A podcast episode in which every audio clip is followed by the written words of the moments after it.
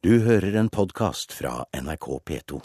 For eh, i eh, USA befinner det seg akkurat nå mange som er på studietur, og som vil lære om hvordan amerikanerne gjør det når de driver valgkamp. Og Trond Blindheim, rektor ved Markedshøgskolen, han mener altså at vi har mye å lære.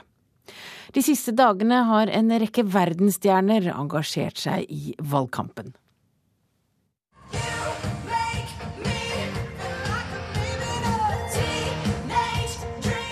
Katy Perry spilte for Obama-tilhengere i Wisconsin i helgen. De siste dagene har presidentkampanjene for alvor mobilisert musikere og skuespillere for å samle inn stemmer.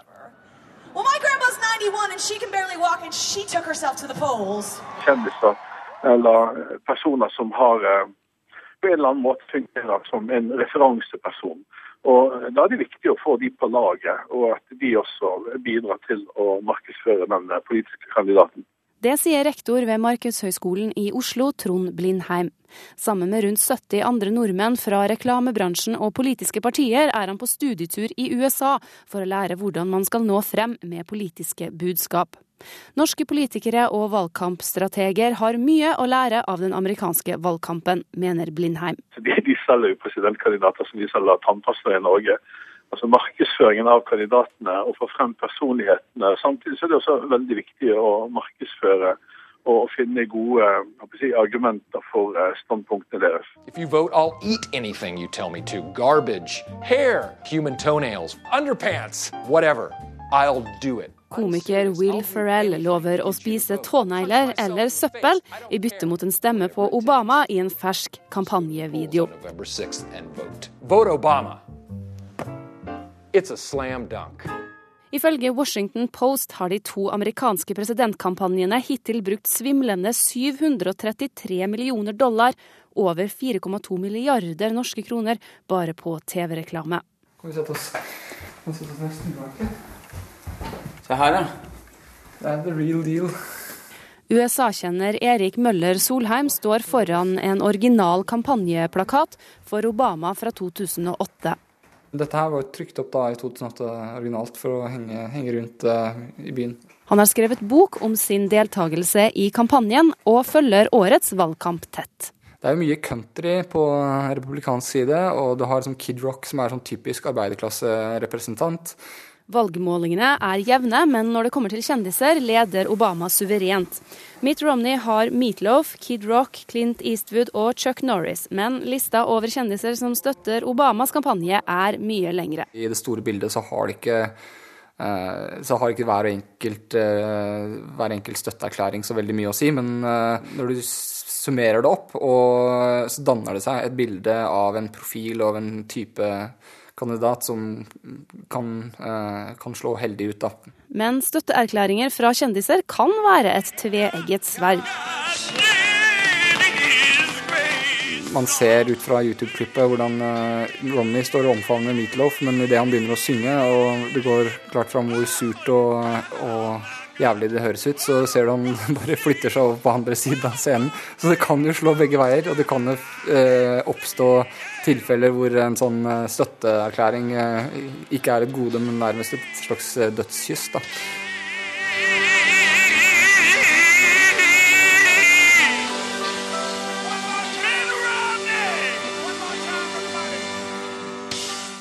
Vakkert var det i hvert fall ikke. Reportere her var Eirin Venås Sivertsen og Magnus Bratten.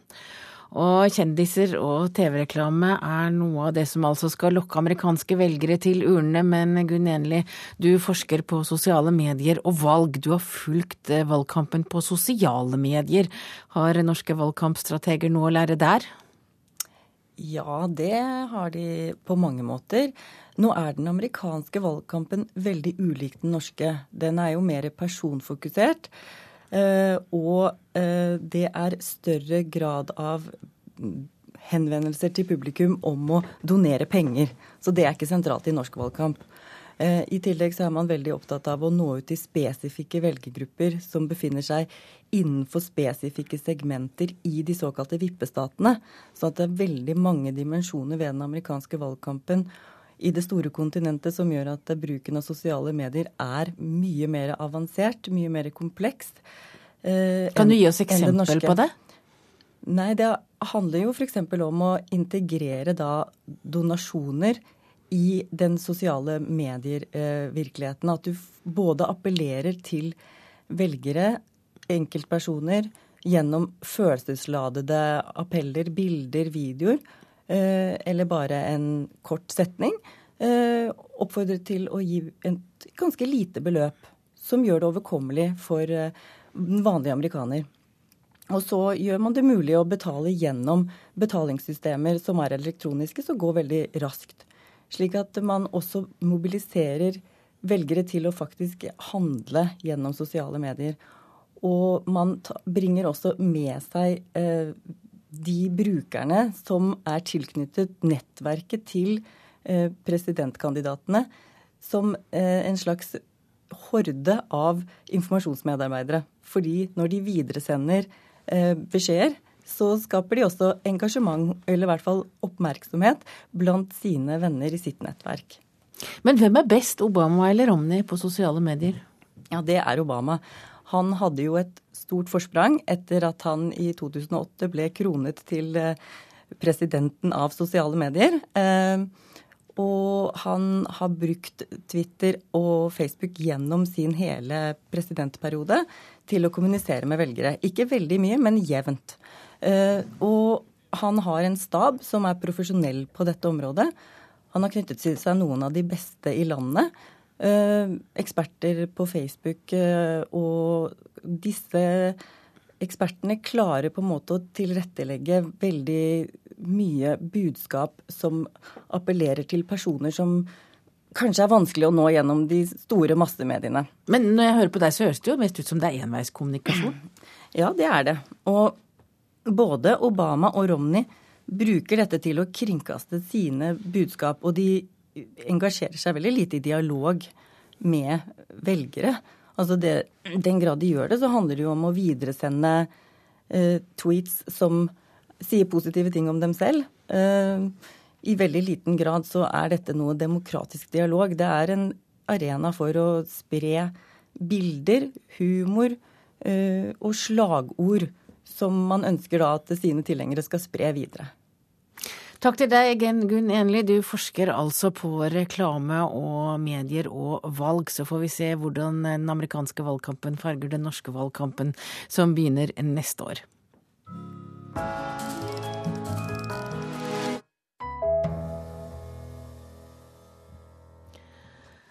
Vatikanet vurderer nå å begrense besøk i Det sixtinske kapell, for eh, turistenes åndedrett skal nemlig være skadelig og får taket til å smuldre opp. Det skjer 500 år etter at Michelangelos berømte takmaleri sto ferdig. Og hvis ikke et nytt ventilasjonssystem gir god nok effekt, vil det være et alternativ å begrense tallet på besøkende. Det sier altså sjef for Vatikanmuseet, Antonio Palucci. Det skriver skriver Aftenposten i dag. Et museum i Usbekistan har avdekket en samling keramikk av Picasso. Det var ansatte ved museet i eks-sovjetstaten som oppdaget samlingen ved en tilfeldighet i museets arkiver. Det skjer over fire tiår etter at samlingen ble donert til museet, og nå er keramikken av den verdenskjente kunstneren stilt ut, og utstillingen varer til 10. januar, melder AFP. En amerikansk produsent jobber i disse dager for å lage en oppfølger av storfilmen Casablanca, det skriver The New York Post.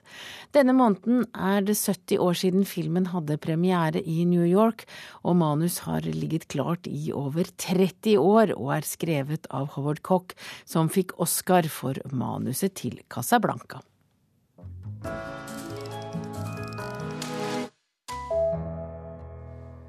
Nå skal vi høre om stor ungdommelig giverglede for studentorganisasjonene er en av Unicefs viktigste bidragsytere, og bidraget er doblet på ti år. I helgen spilte medisinerstudentene i Trondheim revy, og der går overskuddet til Unicef. Vi gjør nummeret en gang til. Ja. Det er mye bedre enn i går, vi mangler fortsatt litt for lyd. Siste finpuss er i gang. Skuespillere, orkester, manusforfatter, regissør, lys- og kostymedesignere er på plass. Og alle er de medisinstudenter i Trondheim.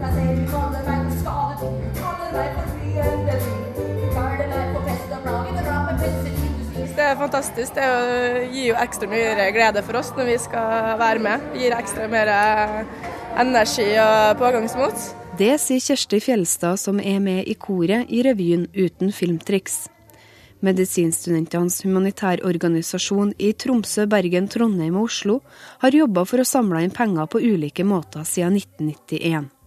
I år går alt overskuddet til UNICEF, sier revysjef Lise Marit Aune. Ja, De fleste studentrevyene har jo på en måte som mål å bare gå i null. Eh, vi prøver å gå mest mulig i overskudd. Eh, I år så samarbeider jeg med UNICEF, og de har valgt et sånn konkret prosjekt. Prosjektet i år er da å hindre hiv-smitte fra mor til barn i Mosambik. Vi to er forskjellige, men sammenhengende. Istedenfor at der nede reiser opp. Enda tettere energiretning.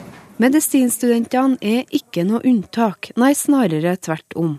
For i år har svært mange studenter over hele landet samla inn penger til ulike humanitære organisasjoner.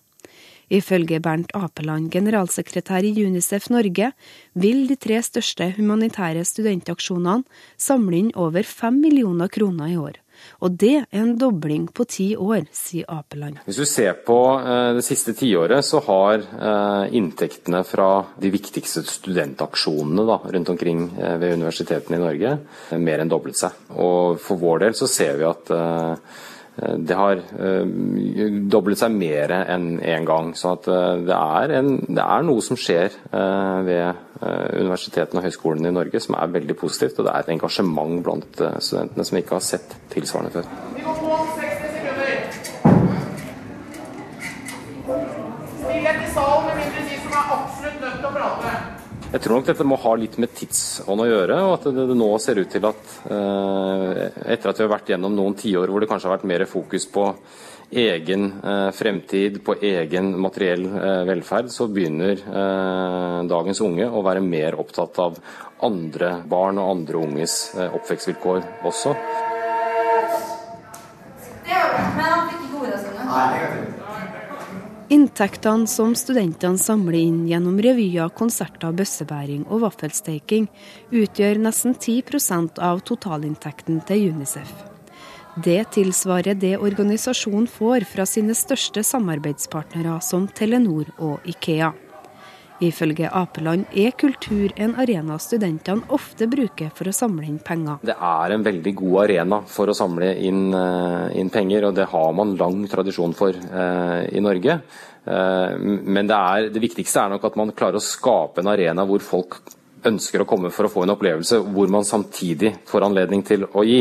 Sånn at kulturelle arrangementer er én viktig arena, og det finnes også sikkert andre muligheter. Men kultur har en veldig sterk stilling, også fordi kulturarbeidere er sterkt engasjert i solidaritetsprosjekter. Og reporter her var Kaja Kristin Næss.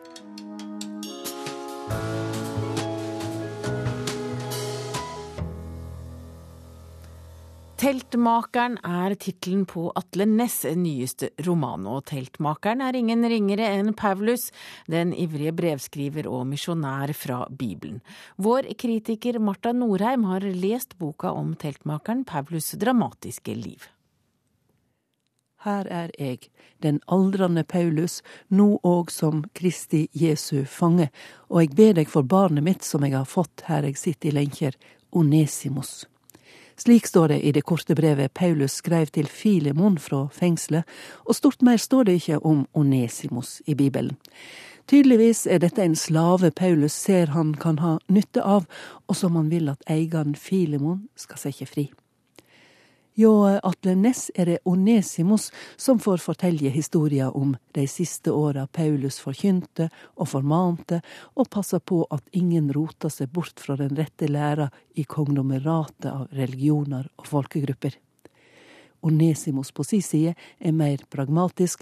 Han mener det må gå an å balansere mellom romersk keiserdyrking og astarteofringer og jøder og grekere, men han er på samme tid fascinert over den nidkjære og glødende forkynneren han mer og mindre tilfeldig havna i tospann med. Dermed blir dette ei historie med mange lag. Vi får en fargerik leksjon i dagliglivet i Midtøsten for 2000 år siden. Vi ser hvordan kristendommen blir forma gjennom disputter og maktkamper.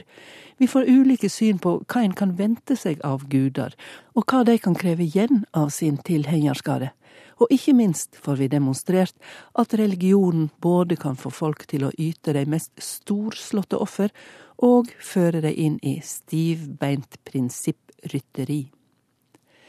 Teltmakeren er ei historie om korleis tru er ei drivkraft i samfunnet. I romanen Din nestes eiendom fra 2009 skrev Ness om reformasjonen og kapitalismen, som i tospann drog i gang ei enorm utvikling i Europa på 1500-tallet, med oppdagingsreiser og kolonialisering i kjølvannet. I år er det altså urkristendommen som blir utforska. Det skal rett nok gå noen hundre år før han blir en virkelig maktfaktor, men det blei han jo, som vi veit. Jeg hadde stor glede av å lese Din nestes eiendom, en eh, roman som sto i velkommen kontrast til sjølgransking og ulykkelige barndommer. Teltmakeren er lagt til ei anna tid, men er på samme måte et inspirerende stykke litteratur om noe helt annet enn oss sjøl, som likevel tangerer våre egne dilemma. Ja, og det mente altså Marta Norheim om romanen Teltmakeren av Atle Næss. Den svenske Torsten og Vanjas Søderbergs pris blir i dag tildelt den norske smykkeingeniøren Sigurd Bronger. En nordisk jury har pekt på Bronger som verdig vinner. Jeg er utrolig heldig å få den prisen. Og selvfølgelig få mye oppmerksomhet rundt det. Og pluss at det, eh, nå kan jeg på en måte realisere nye prosjekter som jeg allerede er godt inne i. Og, så det er en utrolig fin greie å, å komme videre med. Sigurd Bronger er en mann det går ualminnelig få av på dusinet, for å si det med et umulig bilde. Den Tradisjonelle smykker slik de fleste av oss er vant til å se, er ikke i nærheten av det han lager. Men det har du også brukt et lite, uh, lite kamskjell. Kamskjell fra New Zealand. Er det derfor det er grått? Du har ikke farget det? Nei, det er sånn i naturen. Så det er et bæreinstrument for et uh, sort skjell, kan man si. Den tingen du har laget, er et bæreinstrument for et sort skjell? En slags skulptur, eller hvis nei, vi skal sette navn på det? Nei, det er et objekt, kan du kanskje si, som kan bæres, og som bærer. Ikke sant? For ja. den bærer jo det skjellet samtidig som hele objektet kan bli båret. Men den, den nå står et sted? Det er ikke noe man går Bronger pakker ut noen av objektene som ikke skal av gårde til tildelingsseremonien i Gøteborg. For meg er det ikke umiddelbart opplagt at dette er en brosje, selv om to solide stålnåler burde ha gitt meg et signal. Men hva er det han arbeider med egentlig? Er det smykker? Jeg liker jo ikke helt det begrepet smykker, for dette er jo så forbindet med pynt og dekorasjon, og det jo, dette her er jo litt mer enn det. De står for seg selv, kan de gjøre. Eller de kan bæres på kroppen. Svenskene kaller deg en smykkeingeniør, i hvert fall. Altså, Jeg kan eh, slå meg til ro med den betegnelsen, tror jeg. Det tok meg nok en 15 eh, år å prøve ut ting før det falt på plass. Det gjorde det? Ja. Torsten og Vanja Søderbergs nordiske millionpris i design og kunsthåndverk tildeles for nyskapende og fremstående gjerning. For fjerde gang siden opprettelsen i 1994 blir den gitt til en nordmann. Nå er det superminimalisten og perfeksjonisten som håndterer en virkelighet av edle metaller og diamanter, og som ikke finner tid til å skape flere enn tre-fire nye objekter i året, som får den. Trenger du egentlig mer oppmerksomhet? Det virker som det fungerer veldig fint for deg å være en slags kunst-doldis? doldis?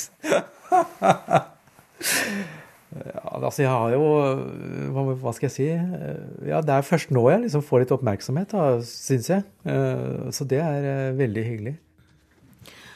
Og reporter her, eh, det var Sølvi Fosseide. Denne sendinga fra Kulturnytt den nærmer seg slutten. Hovedsak nå var at rektor ved Markedshøgskolen mener at nordmenn og norske valgkampstrateger har noe å lære av amerikanerne. Bak denne sendinga sto Hanne Lunås, Gjermund Jappé og Hege Holm. Du har hørt en podkast fra NRK P2.